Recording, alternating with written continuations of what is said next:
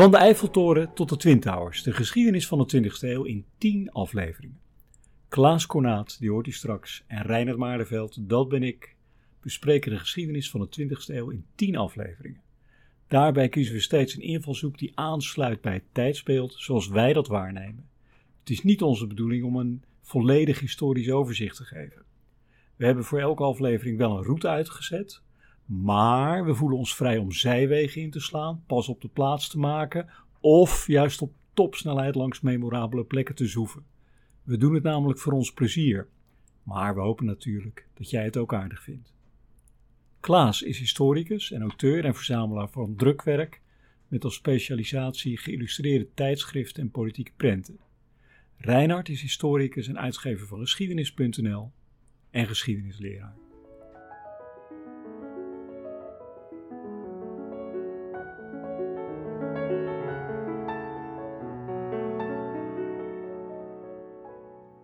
Klaas hebben het, uh, ik heb deze aflevering genoemd Ein Platz an der Sonne op mijn beste Duits. Dat betekent zoveel dat uh, ja, een van de oorzaken van die, of een van de problemen die speelt op dat moment, is dat Duitsland eigenlijk een rol opeist op het uh, Europese toneel. En we hebben net uh, vastgesteld dat dat ook samenhangt met het feit dat Duitsland behoorlijk aan het industrialiseren is en daar heel succesvol mee is. Ja, ja het is, de Duitse eenwording was niet logisch. Al die, al die aparte staten die wilden eigenlijk ook allemaal wel apart. En Bismarck zijn verdienste is geweest dat hij dat heeft samengesmeed tot een sterke staat. En een van de manieren om die samenhang ook echt te verstevigen was om dat nationalisme te bevorderen. Om te zeggen dat Duitsland als staat uh, vooruitgang had en recht had op allerlei rollen in het, in het wereld, op het wereldtoneel. En dat was ook een manier om die staat sterker te maken. En uh, ja, dan op een gegeven moment kan je daar niet meer mee ophouden, zeg maar. Hè? Dan nee. wordt dat nationalisme misschien wel de drijvende kracht achter al je politiek. Ja. En uh, ja, Bismarck is natuurlijk in, ik geloof 1889, uh, wordt hij bedankt hè, door de nieuwe vorst Wilhelm II. En dan krijg je ook echt de politieke uitwerking van, dat, van die ambities, zeg maar. Hè? Dan zegt, ik geloof Max von Baden is dan de kanselier, dus de minister-president in Duitsland die zegt, ja, wij hebben een plaats onder de zon nodig, we verdienen dat. En dat vinden andere landen natuurlijk minder prettig om te horen, deze... Ja, want Duitsland had bijvoorbeeld, uh, ook door de eigen ontwikkeling, de koloniale boot een beetje gemist. Dus Frankrijk, Engeland hadden een beetje de wereld uh, diamanten verdeeld. En Duitsland was daar behoorlijk bekaaid bij afgekomen. En dat werd in Duitsland ja. Toen de economie zo sterk werd, natuurlijk totaal verkeerd bevonden. Hè? Met Duitsland eiste eigenlijk ook die plaats ja. letterlijk in die zonnige gebieden op. De term uh, verspeterde nation schiet me te binnen. Zo is het, ja. En dat werd steeds manifester. En een van de eerste, we behandelen in deze ronde, zeg maar de jaren 1910, 1914. Uh, dan zie je gelijk in het begin van die periode dat Duitsland bijvoorbeeld ambities heeft om in Marokko, waar de rolverdeling nog wat onduidelijk ligt, uh, om daar zijn rol op te eisen. Ja, ja. ja want dat is, dat is misschien ook wel hartstikke interessant. Hè? De tijdgeest, uh, of de tijd, die leent zich ook voor het verwezenlijken van die ambities. Hè? Je ziet allerlei kansen ja, op de Balkan. Turkije is een beetje uit elkaar aan het vallen. Ik overdrijf misschien een beetje. Um, ja, en uh, we hebben het nog niet zo over Italië gehad, hè, maar dat is ook een nieuwe natie, eigenlijk ook een verspeterde nation. Uh, en die ziet ook kansen in Afrika. En er, ligt, er is dus van alles te halen ja, eigenlijk. dus op allerlei gebieden is er van alles te halen. Ook in China bijvoorbeeld, hè, waar, de, waar de machtsverhoudingen ook totaal onduidelijk zijn. En ziet dat elke mogendheid daar zijn rol opeist. En dat zijn natuurlijk de traditionele ja. machten die altijd al meededen. Maar dat zijn ook de nieuwe naties die, uh, die zeggen van ja, maar wij zijn er nu ook. Ja. En dat is niet alleen Duitsland, maar bijvoorbeeld ook Japan en de Verenigde Staten. En ja, dan wordt dat een stuk ondoorzichtiger. Ja. En met name in Marokko, waar de Spanjaarden en de Fransen een soort uh, overeenkomst hadden. Ja, daar zegt Duitsland van nou, dat, daar willen wij ook onze rol in spelen. En dan ja. zegt Frankrijk, nou, dat willen wij helemaal niet. En die zijn dan bijna bereid om een oorlog te ontketenen met Duitsland. om dat te beslissen. Ja. ja, en dat wordt ook allemaal nog aangezwengeld door de nieuwe technologieën. Mensen hebben door ja, het vliegtuig zien we nu opkomen, de stoomboot, het Suezkanaal, de wereld lijkt kleiner te worden. en die technologieën geven het Westen zoveel voorsprong dat ze ook ja, hele continenten eigenlijk naar hun hand kunnen zetten, lijkt het wel. Ja, want het is inderdaad ook de tijd, gek genoeg, van het grote optimisme. En het grote symbool daarvan is de ontwikkeling van het vliegtuig, maar ook bijvoorbeeld de bouw van uh, oceaansschepen, die een omvang hebben die nooit tevoren was uh, voor mogelijk gehouden. De Titanic is daar natuurlijk het ultieme voorbeeld van. Er waren drie van dat soort schepen bedacht. En de Titanic zou het grootste, mooiste, luxueuste schip in de wereld zijn. En het is wel ook heel symbolisch natuurlijk dat juist uh, die enorme ontwikkeling ook wel eens niet wordt gedaan door zoiets geks als een ongeluk of een uh, misverstand. Ja. Ja, zodat, uh, ja, die Titanic is natuurlijk een soort teken uit de hemel eigenlijk. Hè? Van jongens, pas op, dit, dit gaat niet goed. Dit gaat te hard misschien. Ja, het gaat hard, ja. ja. En de ondergang van de Titanic is inderdaad misschien een soort teken. Zo van, wereld, let op je zaak. Van, uh, aan de ene kant gaat er iets enorm hard, namelijk de techniek. En jullie leren heel snel en jullie kunnen uh, dingen die nooit voor mogelijk werden gehouden. Terwijl aan de andere kant kan dat ook leiden tot uh, rampspoed en conflict en allerlei andere zaken die niemand wil of die niemand voor mogelijk houdt. Ja, ja. ja, we hadden het over die, ehm, die tijdgeest die dan ja, dwingt als het ware tot grote stappen en grote ontwikkelingen. Ik moet ook al, dat is een van mijn favoriete onderwerpen, geloof ik. Maar aan die poolreizigers denken, we hadden het er net ook over. En dat is ook de, op dit moment, uh, zeg maar zo tussen 1900 en 1915, worden de laatste uh, onontdekte gebieden in kaart gebracht. En de, de, Zuidpool wordt dan voor het eerst bereikt door Amundsen. Scott laat daar het leven. Maar je hebt allemaal van die legendarische avonturiers die uh, hun stempel nog kunnen drukken op, uh, op die periode. Ja, en het kan allebei de kanten nog op. En dat is misschien ook wel een, iets wat die tijd erg kenmerkt.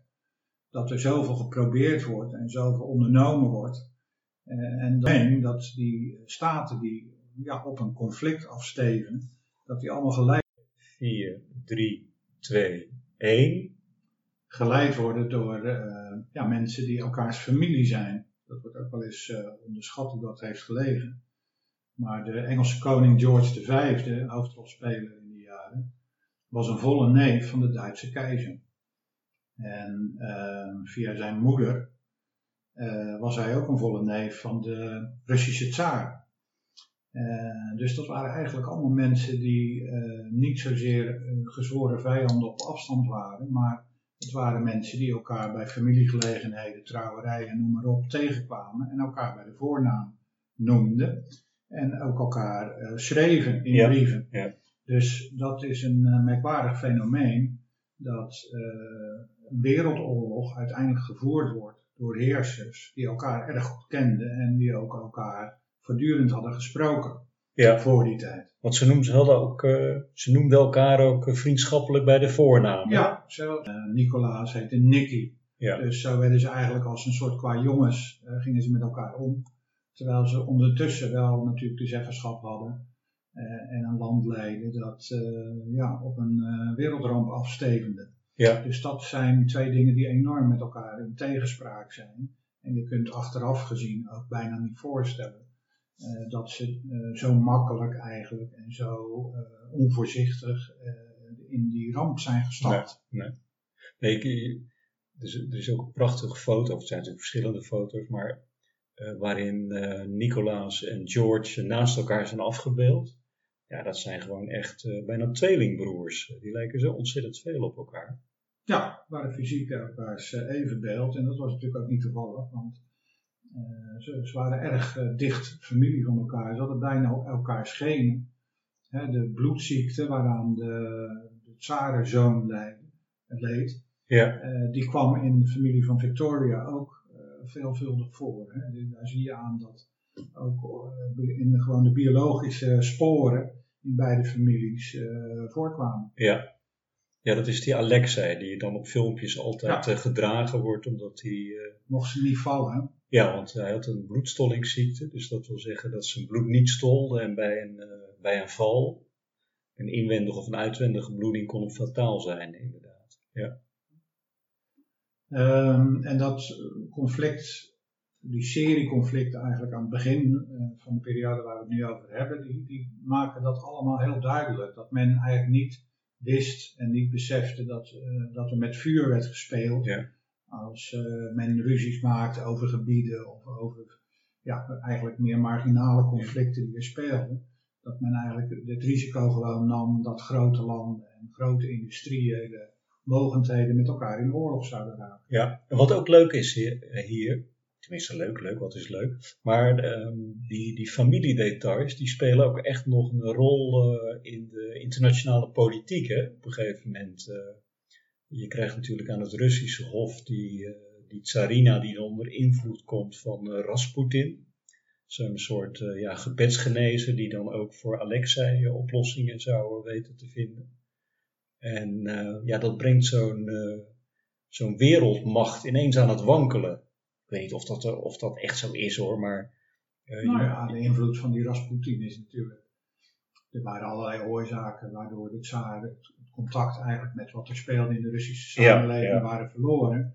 Maar aan de andere kant is het als symbool, heeft dat enorm bijgedragen aan hun val. Ja. het feit wat de, de, plaats en de macht van zo'n Rasputin aan het hof was, dat, dat was heel veel Russen en ook heel veel Russische politici natuurlijk een doorn in het oog.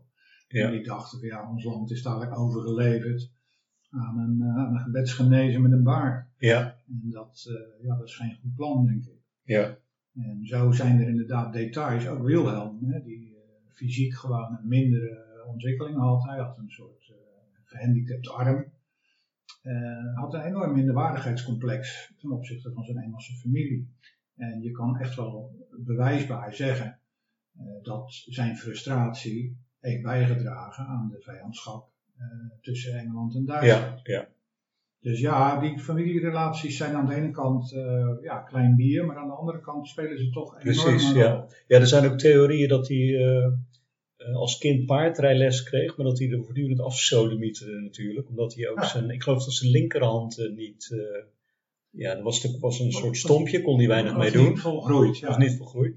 Dus hij viel voortdurend van het paard af en dan kreeg, ja, werd hij gewoon weer opgezet. Want hij moest, ja, een, een, een, keizerszoon moest natuurlijk wel de troepen leiden te paard. Te paard, tuurlijk. Ja. En dat op zich is dat wel weer aardig, hè, want we zitten nou over technologie en uh, ja, 20ste eeuw die eraan komt, vliegtuigen. Maar dit is eigenlijk weer bijna middeleeuws. Hè? Een, een vorst die te paard de troepen ja. aanvoert. Heel ja, bizar is dat. dat was natuurlijk ook die, die, tweedeling in gedachtegang die we voortdurend schetsen, dat heeft ook een heleboel praktische gevolgen. De Duitse legereenheden waren bijvoorbeeld, hè, de elite waren de Ulanen, uh, waren een soort lanciers te paard. En in het eerste oorlogsjaar, in 1914, uh, eh, hebben ze nog een aantal ja, fikse aanvallen en uh, manoeuvres geopend, waar zij dus een rol speelden. Terwijl toen werd er natuurlijk met mitrailleurs en kanonnen uh, werd daar natuurlijk snel uh, mee afgerekend. Hè. De tijd was volkomen voorbij. Ja, dat je ja. met, met een paardencharge, dat je daar nog uh, een beslissende slag mee kon winnen. Ja. Hoewel er toch, schiet men nou te binnen, al wel vooraankondigingen waren geweest. We hebben natuurlijk de Krimoorlog gehad, de Amerikaanse burgeroorlog, ook 1870-71, waarin die Duitse troepen met het spoor ja, vrij snel ter plekke zijn hadden de mensen dat toch niet aanzien komen. En nou, ze hadden het kunnen weten. Ze hadden het kunnen weten, ja. ja. Absoluut. Maar je ziet inderdaad die traditionele idee, wat je net schetst van de Engelse koning of uh, de Duitse keizer met zijn armpje. Dat, dat gaat nog enorm lang door. Ook aan iemand als Mussolini, dat is een heel aardig verhaal in dit verband. Die vond ook dat een, Romeinse keizer, die hij zich uh, wel waande, ja te paard de troepen moest kunnen toespreken. Maar hij kon gewoon door zijn fysiek, en daar had hij geen talent voor, kon absoluut geen paard rijden. En zijn paard moest altijd door een uh, Afrikaanse krijger, een enorme reus van een vent, ja. moest in bedwang worden gehouden, want Mussolini kon dat absoluut niet uh, handelen. En alle foto's, en zo weten we dat ook, die daarvan zijn, dat Mussolini te paard iets doet, daar is die krijger dus weggeretoucheerd om te, om te verdoezelen dat, uh, dat er altijd iemand in de buurt moest zijn. Dat, omdat anders zou Mussolini ja. van dat paard gevallen zijn. Ja. En dat is natuurlijk erg grappig. Aan de ene kant wil men modern heersen en een moderne staat leiden. Maar aan de andere kant wordt er enorm veel waarde gehecht aan de symboliek van het bijvoorbeeld paard kunnen rijden. Ja. En uh, nog een soort ouderwets daarin op kunnen treden. Ja. ja, je moet natuurlijk oppassen. Kijk, wij hebben van tevoren, weten we nu uh, wat er gebeurd is in 1914. Dus je, je, bent geneigd om daar dan naartoe te redeneren. Nou. Maar ja, als jij in 1900 uh, leeft, 1910, heb je natuurlijk geen idee wat eraan zit te komen. Dus we moeten dat is misschien ook met dat Titanic-verhaal. Achteraf is het natuurlijk een geweldige ja, aankondiging, als het ware. Maar ja, op het moment zelf werd dat natuurlijk niet echt in perspectief geplaatst. Nee. Het is aan de ene kant de gebeurtenis zelf, aan de andere kant uh, de interpretatie die je daar achteraf van kunt hebben. Dus dat moeten we niet door elkaar gooien. En dat is natuurlijk wel zo. Maar die frustratie van die Duitse keizer, gesymboliseerd door dit soort dingen, ja, dat heeft ten, ten tijde van 1910, 1914 een enorme rol gespeeld. Hè? Want Ja. Duitsland wilde gaan sprinten, maar werd eigenlijk door alles om hem heen tegengehouden in die ontwikkeling. En dat frustreerde zodanig dat op het moment dat het er echt om ging, ze risico's hebben genomen die, eh, ja, die toch ook in die periode al wel, denk ik. En er waren natuurlijk genoeg mensen ook die in die periode zelf waarschuwden, waarin eh, voor, voor veel te Ja, ja, dat is zeker waar. risicovol gedrag en beslissingen die veel eh, negatieve gevolgen zouden kunnen Ja. Nou lijkt het mij dat Engeland ook niet helemaal vrij uitgaat. Want die werden natuurlijk eh, ja, als empire, eh, hadden die overal de touwtjes in handen. En ehm, ja, bijvoorbeeld hun activiteiten in Zuid-Afrika, waar ze de boerenrepublieken de nek omdraaiden. En zetten heel veel kwaad bloed in, in Nederland. Ja, in Nederland had je heel sterk anti-Engelse eh, stemming. Dus eh, door de Tweede Wereldoorlog lijkt het alsof we een lange traditie van anti-Duits gevoel hebben gehad in Nederland, maar dat was in die tijd helemaal niet het geval. Sterker nog, door de opkomst van de Duitse economie hadden heel veel Nederlandse bedrijven en Nederlandse activiteiten direct eh, verband met de Duitse. En zagen we Engeland als een, als een, meer als een concurrent, hè? Een, grote eh, natie die ons behoorlijk pijn had gedaan. En die boerenoorlog heeft wat dat betreft ook heel lang eh, in de publieke opinie een rol gespeeld. Ja, klopt. We hadden het al over die boeken van W.L. Penning, die dan consequent over de rooibaadjes eh, spreekt. En hun wrede daden, die al die arme boeren met gemene dum-dum-kogels een flard aan schieten waren. Ja, De zuchtige monsters. Ja, het ligt natuurlijk nooit zwart-wit. Ik denk dat we altijd moeten benadrukken dat natuurlijk Duitsland met de nationalistische neigingen eh, heeft natuurlijk veel van die conflicten ook aangewakkerd. Maar dat wil natuurlijk helemaal niet zeggen dat Frankrijk en Rusland en Engeland veel beter waren. Eh, het is natuurlijk een heel complex geheel waarin voortdurend stemmingen en intenties een rol speelden. Ook enkelingen vaak een eh, stempel drukten die een hele eigen agenda hadden. En eh, dat moet je altijd eh, blijven zien, dat de nuance natuurlijk daar altijd in eh, terug moet komen. Alleen het is natuurlijk wel zo dat de uitkomst uiteindelijk, daar kan je wel bepaalde grote ontwikkelingen in aanwijzen, die geleid hebben tot. Ja, ja, En als we nu de aanloop naar de Eerste Wereldoorlog schetsen, dan is het eh, natuurlijk wel zo dat eh, de verbintenissen en de intenties van bepaalde staten daar een enorme dominante rol in hebben gespeeld. ja. En er waren natuurlijk ook allerlei eh, ja, kansen, zeg maar, om bijvoorbeeld aan gebiedsuitbreiding te denken. Ja. Het Turkse Rijk was er niet meer best aan toe, dus dat moest een behoorlijke veer laten op de Balkan. Daar zaten allerlei nieuwe en jonge staten, en ook een hele oude staat als Oostenrijk-Hongarije, probeerden daar flink wat graantjes van mee te pikken. Ja, in 1912 en 13 heb je twee, wat men dan noemt de Eerste en de Tweede Balkanoorlog. En dat is een, eh, een puur eh, race om gebiedsuitbreiding door een aantal staten die daar heel veel belang bij hadden. Dus Bulgarije, Griekenland, Montenegro, Servië, dat zijn natuurlijk allerlei staten. En die probeerden uit dat rijk wat in elkaar stortte, de belangrijkste eh, stukken eh, van in te palmen en te annexeren. Ja, En daardoor eh, werd er ook flink gevochten. Er zijn tienduizenden mensen omgekomen bij die oorlogen. en wat meer is dat alle Ottomaanse burgers, dus wat wij nu Turken zouden noemen, eh, die werden van de balkon verdreven. Dus er was ook een enorme vluchtelingenstroom richting eh, Turkije. Ja. Maar wat trouwens ook weer, eh, als je het meteen even doortrekt naar eh, vandaag de dag, hè, wat Erdogan denk ik ook weer, eh, ja, waar die toch eh, naar terugverwijst, zei het niet expliciet, maar is dat grote Turkse verleden, dat Turkse Rijk wat sinds eh, het midden van de 17e eeuw zo'n beetje half Europa in zijn greep heeft. En die, die verloren ge- gegaane glorietijd, ja, dat, daar refereert hij wel aan natuurlijk. Ja. Al is het nooit expliciet, maar wel impliciet. Dat heeft toch altijd weer met dat nationalisme te maken. Nationaal gevoel, dat moet ook altijd vertaald worden in, in grote gebieden. Om de een of andere reden. Dus als je, zoals Erdogan, eh, speelt op die nationalistische kaart.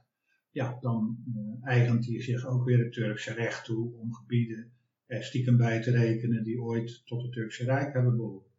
En eh, de Turken zijn natuurlijk toen, eh, rond 1912, 13, bijna uit het Europese continent verdreven. Ze hebben nog een klein stukje weten te redden eh, bij de Dardanellen daar. Maar ze waren bijna eh, een volledig Aziatisch land geworden natuurlijk. Ja. En eh, dat Europese eh, stuk, ja, dat heeft ze altijd het idee gegeven dat ze daar iets hadden verloren en dat ze dat ook weer terug zouden moeten winnen.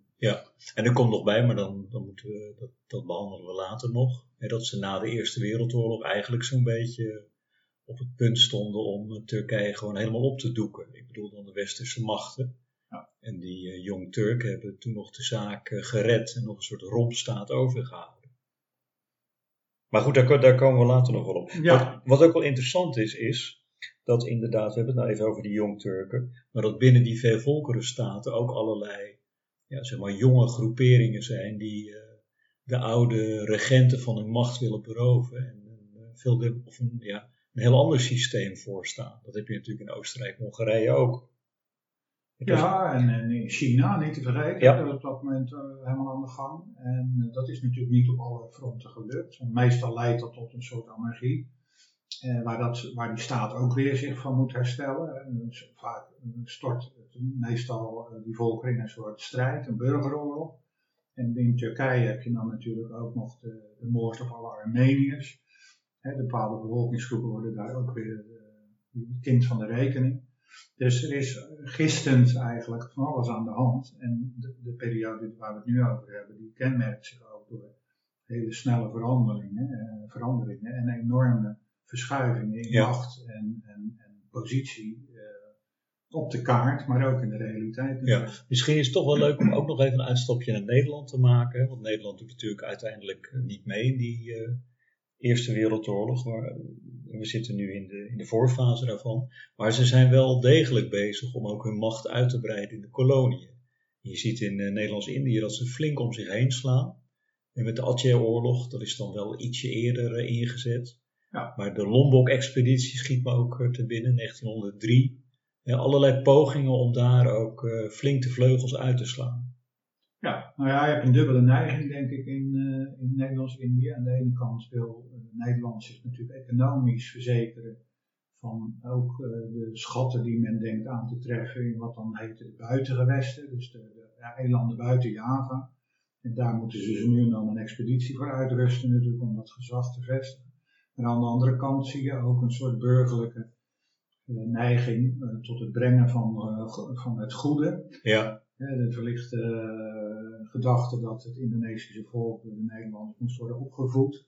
ja de, de ethische politiek, de hè, ethische noemen we dat. Ja. politiek en dat speelt in deze periode natuurlijk ook een enorme rol. Dus het is, eh, ja, het is tweeledig. De invloed kun je op verschillende manieren uitbreiden. En ook Nederland, en zeker ook in de koloniën, die deed daar hard aan mee natuurlijk. Ja. Ik ben heel benieuwd trouwens wat daarvan overblijft, van die ethische politiek, de goede intenties. En Want we zijn nu natuurlijk bezig met een soort eh, herschikking. En ik las van de week in de krant dat er een onderzoek komt van de protestantse kerken, hun rol in het kolonialisme. Ja. Ja, dat, dat, de uitkomst daarvan zal niet verrassend zijn, maar ja, ik weet zelf natuurlijk, wij, wij deden aan de zending. Maar dat was vooral daar natuurlijk om die arme mensen in die koloniale gebieden vooruit te helpen. De intenties waren goed natuurlijk. Intenties waren goed, ja. Nou ja, ik heb ooit eens een project gedaan en dat ging onder de drie noemers eh, gezag, eh, geweld en geweten. En ik denk toch dat als je die drie met elkaar in verband brengt, dat het gezag daar toch altijd centraal in heeft gestaan. En het geweten was vrijblijvend, hè, dat kwam erbij als men de mogelijkheden had. En het geld, daar draaide het aan het eind van de rit Ja, allemaal. ja. Dus eh, ja, ik, ik weet niet wat, eh, wat Nederland precies allemaal wilde, maar dat daar maar betrekkelijk weinig van terecht is gekomen, dat, dat is ook wel zeker. Van de goede zorgen van de je? goede zorg. Ja, ja. Vooral omdat de Indonesiërs voor een groot deel helemaal niet wilden geholpen worden natuurlijk. Hè. Je had een behoorlijke stroming. Eh, dat wordt in Nederland ook altijd wel, het werd dat onderschat in die periode, maar je had natuurlijk een behoorlijke stroming nationalisme ook in Indonesië. Die zoiets had van, nou ja, als de Nederlanders morgen weggaan is het beter dan overmorgen, zullen we zeggen. Ja, Dus die zaten helemaal niet te wachten op scholen en op eh, zending en op al dat soort zaken. nee, nee, dat klopt. Nee. Maar goed, eh, ja, ik, eh, ja, misschien is dat een beetje nostalgie hoor, maar ik, ja, ik denk dan toch altijd dat ook heel veel Nederlanders het idee hebben dat ze iets vreselijks goeds deden. Als ze het kwartje in de, het zendingspotje deden om bijbels voor, voor Indië te kopen. Maar ja, dat is natuurlijk waarschijnlijk een totaal ja, achterhaalde visie die ik hier... eh, Ja, nou, dat weet ik niet. Ik denk wel dat het zo is. Alleen het is wel indirect zo. En dat wordt ook onderschat, denk ik. Ik heb ooit eens een eh, oude marinier gesproken. En die werd, was geboren in Indië en ook opgegroeid in Indië. En die zei dat eh, toen hij in de jaren 85 was, is hij teruggegaan naar Indonesië. En toen heeft hij op de brug gestaan die gebouwd was door zijn vader. Die was ingenieur bij wat Rijkswaterstaat deed in Indonesië. En de, de brug die zijn vader had gebouwd, daar gaat nu nog steeds al het verkeer overheen. ja, ja, Op Java. Dus Ja. die zei van ja, je moet niet vergeten dat de Nederlanders hier wel een infrastructuur hebben aangelegd waar ze nu nog steeds de vruchten van plukken. En dat was natuurlijk niet bedoeld als gift aan de Indonesiërs. Was gewoon om de Nederlanders goed te kunnen vervoeren. ja, ja, en zo snel mogelijk de koffie. eh, Precies, maar het is natuurlijk wel zo dat ze die brug wel gebouwd hebben. Ja, En die dammen en alle spoorwegen. En allemaal. Nee, dat, je, je ziet dat in India ook natuurlijk. Hè. Dat, daar schijnen enorm veel spoorwegen aangelegd te zijn. Ja. Maar goed, het uiteindelijke doel was natuurlijk om dat land zo snel mogelijk leeg te roven. Ja. dat, helaas is dat wel zo. Ja, nee, dat Ja. moeten we constateren. En misschien, eh, want we hebben nog eh, een minuut of vijf, misschien moeten we ook even kijken naar de, de tegenkrachten. Hè? Want we zitten nu toch wel heel sterk richting die oorlog te redeneren. Eh, dat is natuurlijk ook begrijpelijk, want daar is het uiteindelijk ook op uitgedraaid. Maar ik zit even naar de internationale socialistische beweging te kijken, die rond 1900 ook heel sterk was. Ja, en die er absoluut niets in zag om in een grote wereldoorlog elkaar als arbeiders te gaan uitmoorden. Nee. Nee, dat is natuurlijk echt eh, een grote tegenstelling die ook eh, door de gezagsverhoudingen geheel eh, ja, ondergeschoven raakt. Dat een heel groot deel van de bevolking eigenlijk nog niks te vertellen heeft, maar dat dat grote deel van de bevolking wel tegen een oorlog is. Ja. En ook tegen te worden ingeschakeld in een conflict waarvan ze vinden dat het niet hun conflict is. En dat is natuurlijk iets, een stem die voortdurend opduikt in Engeland, in Duitsland, in Frankrijk niet te vergeten. En daar heb je een beweging die zegt van ja, het is wel leuk, die tegenstelling in Marokko, maar wat, wat hebben wij met Marokko Ja, te maken? ja. Waarom moeten wij gaan vechten voor een koloniaal belang wat niet ons belang is? Ja. En die stemmen zijn er zeker. En daarnaast heb je de beweging internationaal die niet zozeer alleen socialistisch is, maar breed gedragen wordt. eh, die genoeg hebben van oorlog en conflict, al voordat er een wereldoorlog. En die zeggen we moeten streven naar overleg en vrede. En naar recht, internationaal recht. En Ja. het is ook niet toevallig dat het eh, Vredespaleis in Den Haag natuurlijk in 1913 eh, geopend is en in gebruik genomen is. En dat is ook duidelijk natuurlijk een, een signaal dat er een, een sterke stroming was. Die zei pas op, hè, voor je het weet eh, verliezen we ons in een enorme conflicten. Ja. Dat we ons vooral concentreren op met elkaar praten en in overleg blijven. En helaas is dat natuurlijk eh, ja, vergeefs gebleken, althans in die periode. Ja, zeker. Het, eh, we hadden het net over de Jong Turken en ik moet eventjes ook aan de jonge Russische revolutionairen denken. En die op dat moment ook eh, ja, in Zwitserland en in Oostenrijk en in Londen rondhangen en proberen het revolutionaire vuurtje op te stoken. En ehm, je krijgt dan ook ik geloof dat in Londen in 1903 was, die splitsing in de Russische Sociaal-Democratische Partij, hè, waar Lenin zijn voorhoede-theorieën gaat neerleggen. En waarin hij actief oproept tot, een, tot het maken van een revolutie, omdat het wachten met de armen over elkaar op de ineenstorting van het kapitalistische systeem misschien wel iets te lang gaat duren. Nou ja, dat is natuurlijk ook wat die oorlog en wat dat grote conflict heeft teweeggebracht. Dat die uh, ja, besproken verschillen, uh, verschillen die nog maar accentverschillen lijken, dat dat wordt tot een hele scherpe tegenstelling. En dat bijvoorbeeld socialisme en communisme totaal uit elkaar groeit en ja. totaal andere oplossingen gaat nastreven. En de Russische revolutie in de Eerste Wereldoorlog is natuurlijk ook precies dat. Hè, dat je eerst een soort geleidelijke overgang krijgt. Maar van die zeggen, ja, maar dat gaat allemaal veel te langzaam. Ja, dat moeten ja. we forceren. Klopt. Wat, wat me nu te binnen schiet is heel wrang eigenlijk. Dat uh, Nicolaas, dus Nicky, doet dan een verzoek aan zijn, of hij naar Engeland kan komen.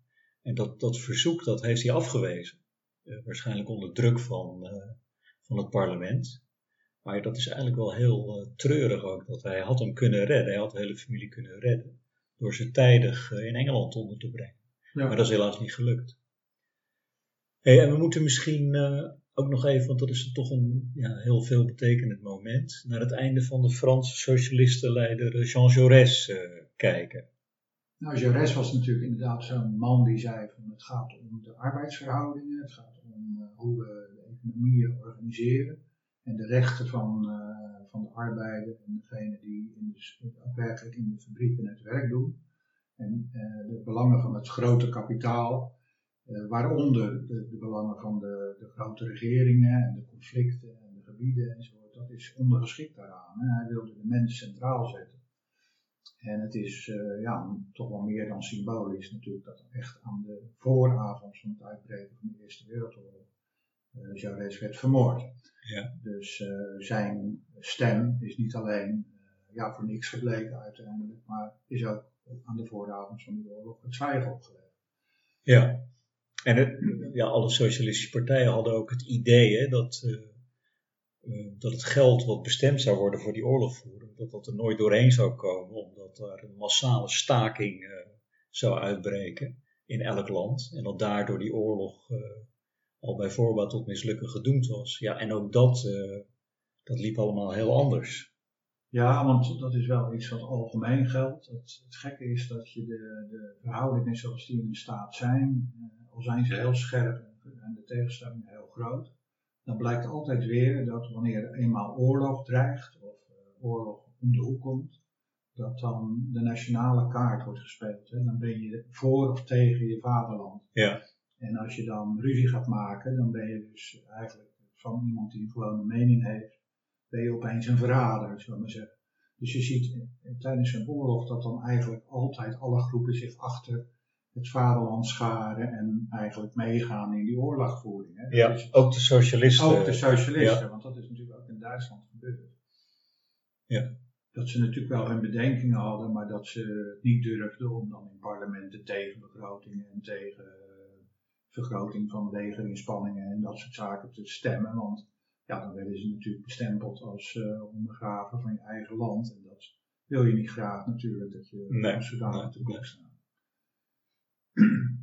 Je ziet ook, uh, dat vind ik dan wel altijd interessant om te zien, dat zie je ook in de Verenigde Staten, maar ook bijvoorbeeld een heel mooi voorbeeld, dat Thatcher had natuurlijk enorme sociale tegenstellingen uh, door haar politiek over Engeland afgeroepen. En het was juist de Falklandoorlog natuurlijk, Ja, ja, ja die zij eh, gebruikt heeft om het land weer een soort eh, ja, te verenigen. En iedereen die dan tegen haar was, of tegen haar politiek, eh, te bestempelen als een, ja, een soort halve landverrader. Hè. Dat was gewoon ook de bedoeling eigenlijk van die hele Falklandoorlog. En dat is natuurlijk wel heel navrant dat zoiets ook wordt ingezet om die, ja, om die verschillen in politieke opvatting weg te poetsen. Ja.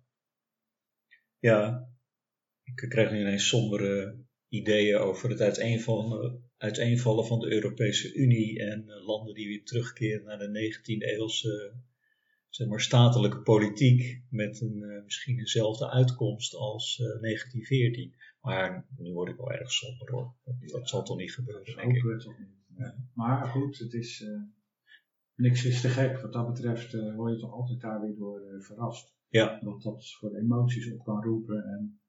En wie had er ooit gedacht dat er na de Tweede Wereldoorlog nog zo'n ingrijpende burgeroorlog en genocide zou plaatsvinden als in Oud-Jugoslavië. Ja, dat had ja. niemand meer voor, voor mogelijk gehouden. En ja, dat gebeurt, kan morgen weer gebeuren. Daar ben Ja, ik zeker. overtuigd. Oké, eh, volgens mij wordt het tijd om eh, de volgende keer een rijtoertje te maken door eh, Sarajevo. Zo ergens eh, in juni Ja. 1914. Ja. En zelfs eh, al maken ze er een zootje van, eh, slaagt de moordaanslag dan toch nog.